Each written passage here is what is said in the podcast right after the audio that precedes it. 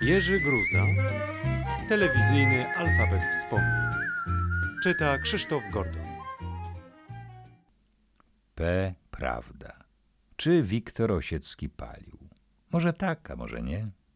Gdyby żyła Agnieszka, mogłaby to sprostować. Dla mnie palił.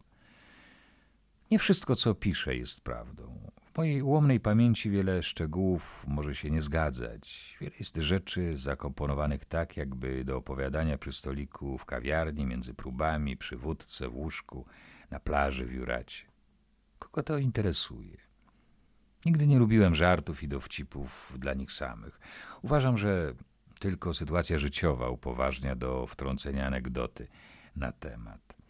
Kiedy rozpoczyna się opowiadanie dowcipów dla samych dowcipów, wstaję i wychodzę.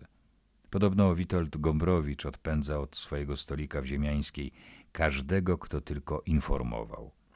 Nie znosił dialogu informacyjnego, że niebo jest dzisiaj niebieskie, kawa zimna, a ziuta przespała się z Y.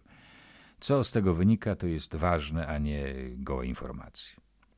Kogo dziś interesuje, że Osiecki grał na fortepianie? Kobiela udawał markiza, a Hanuszkiewicz odbierał pełne uwielbienia, ale nieme telefony. Moja młoda znajoma, która zna słowa wszystkich piosenek świata, pyta o Kalinę Jędrusik. Co jest o niej prawdą, a co nie?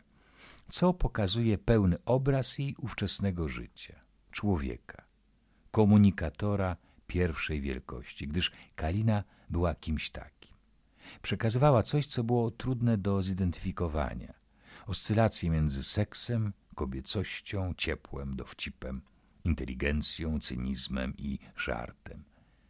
Ile stron trzeba, aby opisać człowieka, jego namiętności, talenty, grzech? Leonardo da Vinci próbował opisać proste zagotowanie wody w garnku. Stwierdził, że aby to zrobić dokładnie, potrzeba by kilku tomów.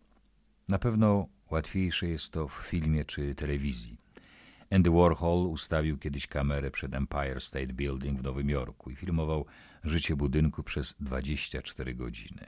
Ludzie wchodzili i wychodzili, zapalały się i gasły światła. Życie jakie jest. Próbował też opisać sen mężczyzny. Filmował go przez 8 godzin.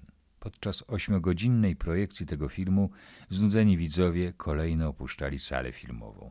Tylko jeden wytrwał prawie sześć godzin, ale w końcu i on nie wytrzymał, podbiegł do ekranu i waląc pięściami w śpiącego krzyczał – obudź się, ty skurwy synu! A potem zwariował. Prawda jest nieludzka.